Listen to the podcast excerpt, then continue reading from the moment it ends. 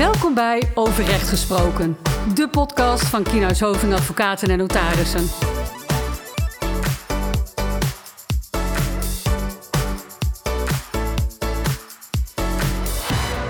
Welkom terug bij Over Recht Gesproken, de podcast van Kienhuis Hoving Advocaten en Notarissen. Met vandaag aan tafel Ramon Steenbergen, advocaat IE, ICT en vandaag het allerbelangrijkste, privacyrecht. En aan deze kant uh, Tom Pol, uh, advocaat ondernemingsrecht, intellectuele eigendom en uh, ja, privacyrecht. En waarom is dat privacyrecht vandaag zo belangrijk, Tom? Nou, dat is onder andere belangrijk omdat we in Nederland te maken hebben met de Algemene Verordening Gegevensbescherming. de privacyverordening, zo je wil. De AVG. De AVG. De GDPR. GDPR. De, de, nou ja, de, de, de draak van de privacywet die ja. vanaf 25 mei 2018 ja, gold voor iedereen die met persoonsgegevens in aanraking kwam. Ja, en die toch wel, een, een, hoe moet ik dat zeggen, ja, voor een schokgolf gezorgd heeft in privacyland. Ja, met name vanwege hele hoge boeterisico's hè, die daarin stonden. Je kon uh, plotseling maximaal boetes van uh, 20 miljoen euro of 4% van je wereldwijde jaaromzet opgelegd krijgen. Ja. En, uh, en het risico op aanspraken van betrokkenen. En, en toch verbaast mij dat altijd wel, hè? want een klein uitstapje, maar veel van de verplichtingen die terugkomen in de AVG en de privacyverordening die golden natuurlijk hiervoor ook al wel een beetje, hè, min of meer onder de wet bescherming ja, ja, klopt. Ja, iedereen die dacht, uh, plotseling moet er van alles worden geregeld over persoonsgegevens. Uh, maar de grap is dat heel veel van dat soort dingen al geregeld hadden moeten worden. Ja. Maar er werd weinig gehandhaafd, men was zich er niet bewust van. En uh, privacy en dan in het bijzonder de bescherming van persoonsgegevens was een beetje een ondergeschoven kindje. Ja. Tot die AVG. Tot die AVG. En een, een van de onderwerpen die die AVG meebrengt, is dat je soms een verwerkersovereenkomst moet sluiten. We gaan zo meteen eerst even toelichten wat het nou is, een verwerkersovereenkomst. Misschien is dat voor de luisteraar wel een beetje een, vaag begrip. Maar voordat we dat gaan doen, even kort aangeven. In deze uh, aflevering van de serie over gesproken gaan we het hebben over een aantal valkuilen die wij in de praktijk vaak tegenkomen bij zo'n verwerkersovereenkomst. Um, ja, nee, klopt. Uh, um, dus eerst goed, hè, zometeen even wat is nou een verwerkersovereenkomst en, en wat gaat daar nou vaak fout? Uh, we staan stil bij drie onderwerpen. Allereerst um, de kwalificatie, vraag die heel relevant is voor wanneer überhaupt een verwerkersovereenkomst moet worden gesloten.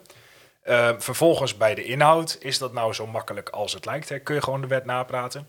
En vervolgens bij uh, uh, bijzondere risico's, hè? eenzijdigheid, aansprakelijkheid, ja. dat soort dingen. Ja. Allereerst, wat is een verwerkersovereenkomst, Tom? Ja, zo'n verwerkersovereenkomst, dat is een overeenkomst die wordt voorgeschreven door de privacyverordening.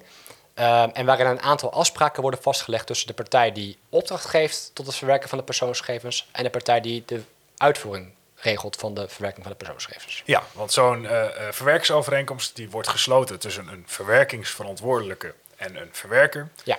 Uh, die verwerkingsverantwoordelijke is degene die eigenlijk de zeggenschap heeft over die verwerking van persoonsgegevens. Hè. Die bepaalt uh, de doelen waarvoor die persoonsgegevens verwerkt worden en de middelen waarmee. En dan gaat het met name om de essentiële essentialia daarvan. Uh, en de verwerker die verwerkt die persoonsgegevens vervolgens alleen ten behoeve van die verwerkingsverantwoordelijke.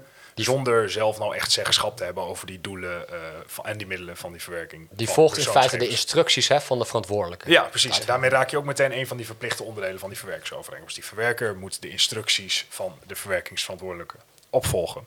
Ja. Dus een overeenkomst over het verwerken van persoonsgegevens tussen ja. een verwerkingsverantwoordelijke en een verwerker. En dan wil ik je toch uh, eerlijk opbiechten, Ramon, dat ik dat ook vaak wel een van de lastigere vragen vind waarmee ik in aanraking kom.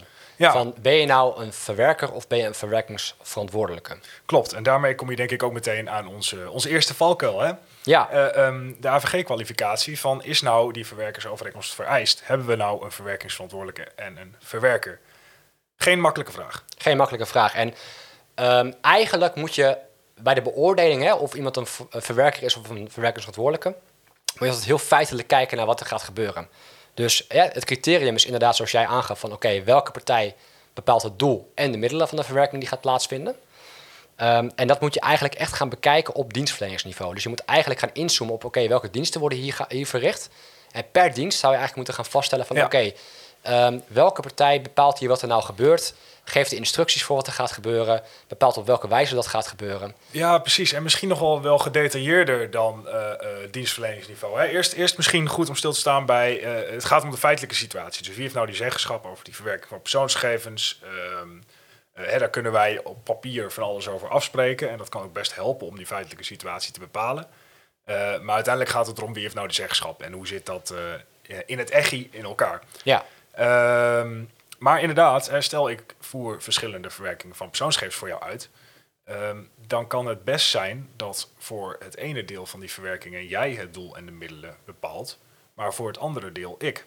Ja, want als ik daar even mag inhaken, wat ik bijvoorbeeld wel eens tegenkom, hè, grote ICT-partij, die eh, verricht verschillende ICT-diensten, waaronder hosten van data, maar ook weer allemaal beheersdiensten van ICT, eh, eh, van software.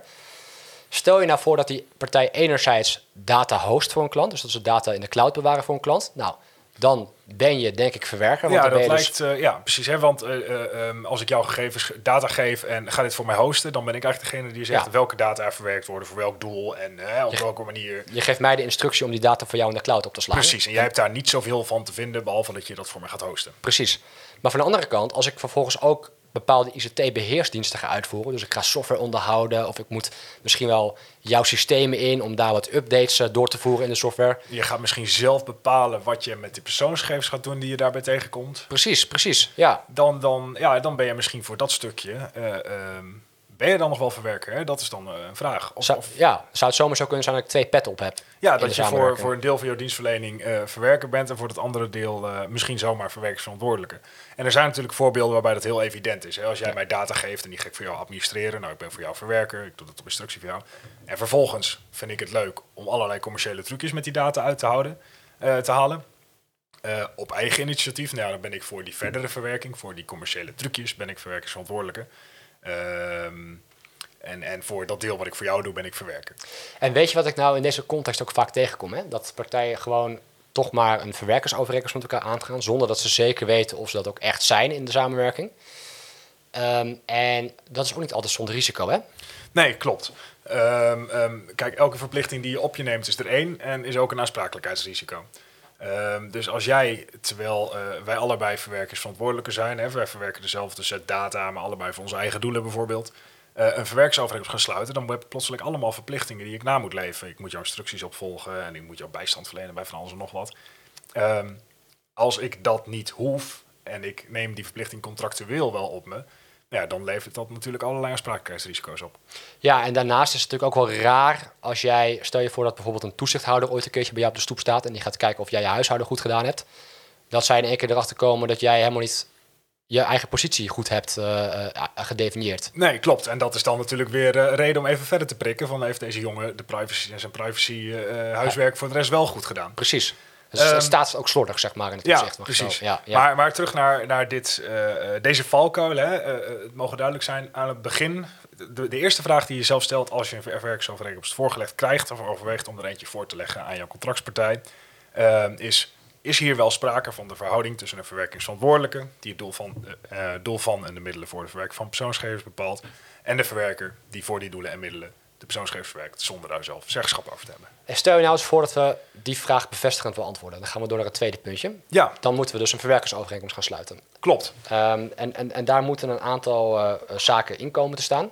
Nou, dan zeg ik eigenlijk van nou, dat is toch redelijk simpel, Ramon. Want als we gewoon die privacyverordeningen, de AVG, doorbladeren, dan komen we op een gegeven moment uit bij artikel 28, ergens op pagina 280.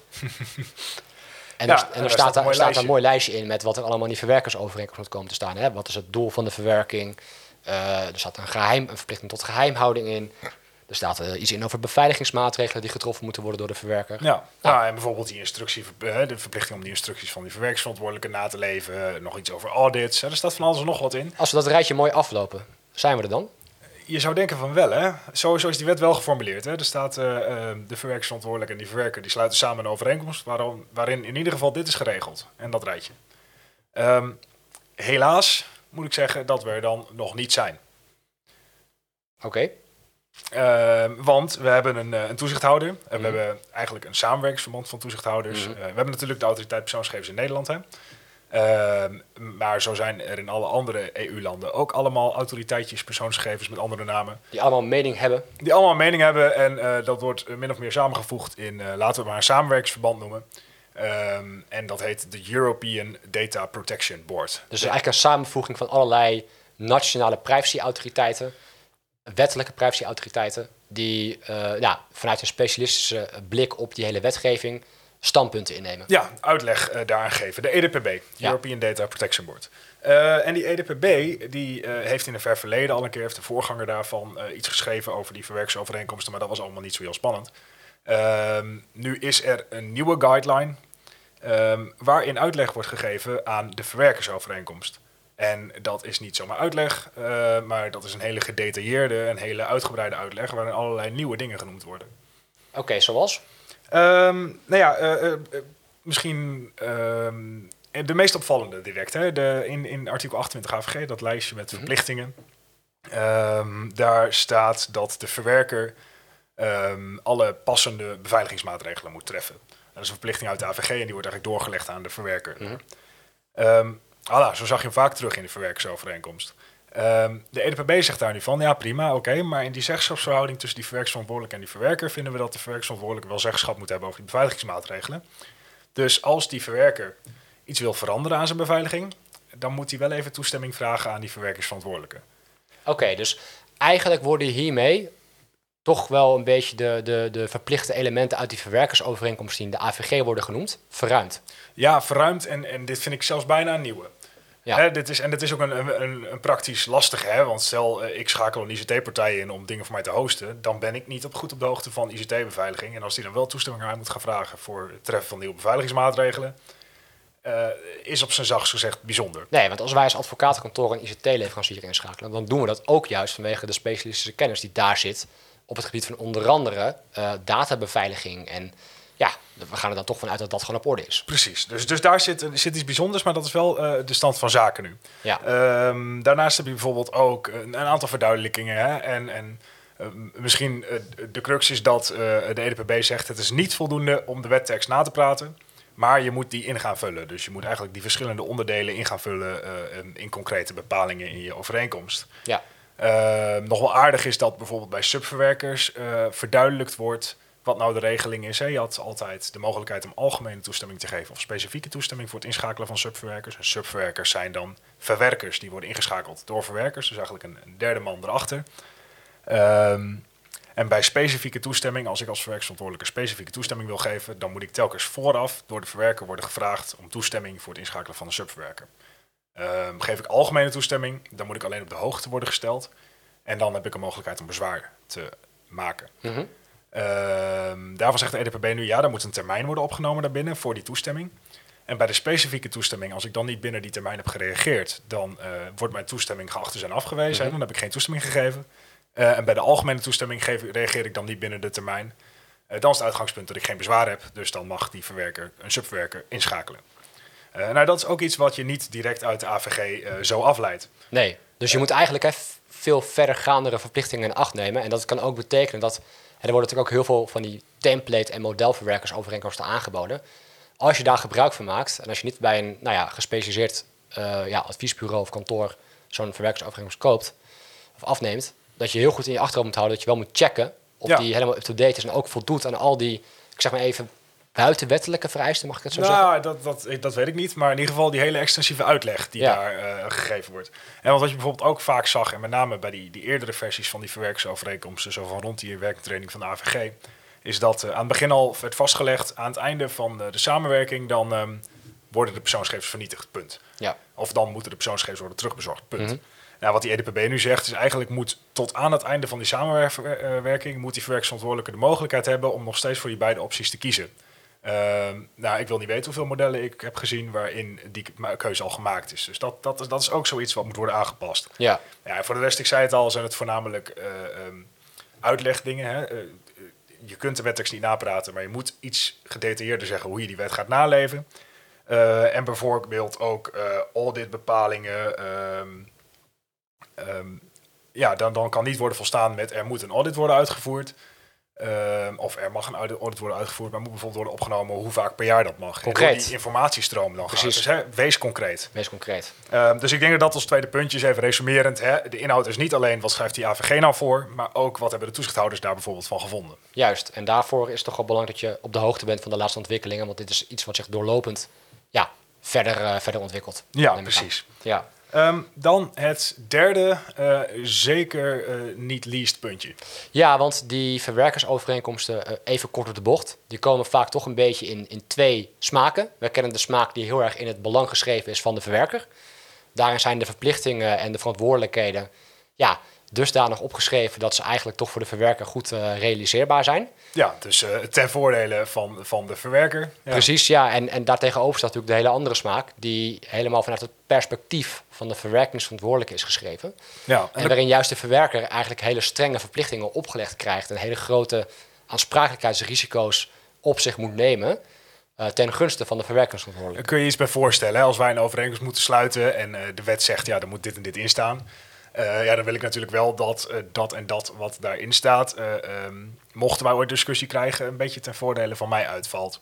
En als ik daar wat meer vrijheden in kan pakken en jouw um, uitvoering van onze overeenkomst wat meer kan beperken, nou, dan doe ik dat natuurlijk. Hè? Want dat is, dat is prettig in die verhouding. Zeker weten, je wil de risico's verdelen en je wil natuurlijk voor jezelf een zo goed mogelijke uitgangspositie Ja, de risico's voor jezelf beperken en bij die ander neerleggen. Ja. En dat zie je nou ook heel vaak in die verwerkingsovereenkomsten. Hè? Het is niet zo dat, uh, omdat die wet en die EDPB zeggen wat erin moet staan, dat het allemaal één pot nat is en dat zo'n verwerkingsovereenkomst altijd zomaar te accepteren is. Het is juist zo dat je vaak ziet dat um, misschien goed om daar te beginnen, die verschillende verplichtingen uit de AVG heel eenzijdig worden ingevuld. Ja, want als je bijvoorbeeld kijkt naar een, uh, een auditplicht, hè, in de AVG wordt ook dwingend voorgeschreven dat je de mogelijkheid moet hebben om te onderzoeken of de verwerker het allemaal wel goed doet door middel van een audit. En je kunt bijvoorbeeld in de verwerkersovereenkomst met elkaar afspreken wat er gebeurt met de kosten van die audit. Dus we kunnen bijvoorbeeld afspreken als ik bij mijn verwerker een audit ga uitvoeren, dat alle kosten in verband met die audit voor rekening van de verwerker gaan komen. We kunnen afspreken dat ik uh, een onbeperkte uh, uh, hoeveelheid audits per jaar mag uitvoeren. Wat natuurlijk voor de verwerker waar weer ingewikkeld kan zijn. Ja, zo'n audit legt toch je, ja, dat is toch wel een impact op je bedrijf als het wordt Ja, precies. En dat zijn dingen die toch wel elke keer er een beetje ingefietst worden en waar je wel even op moet letten.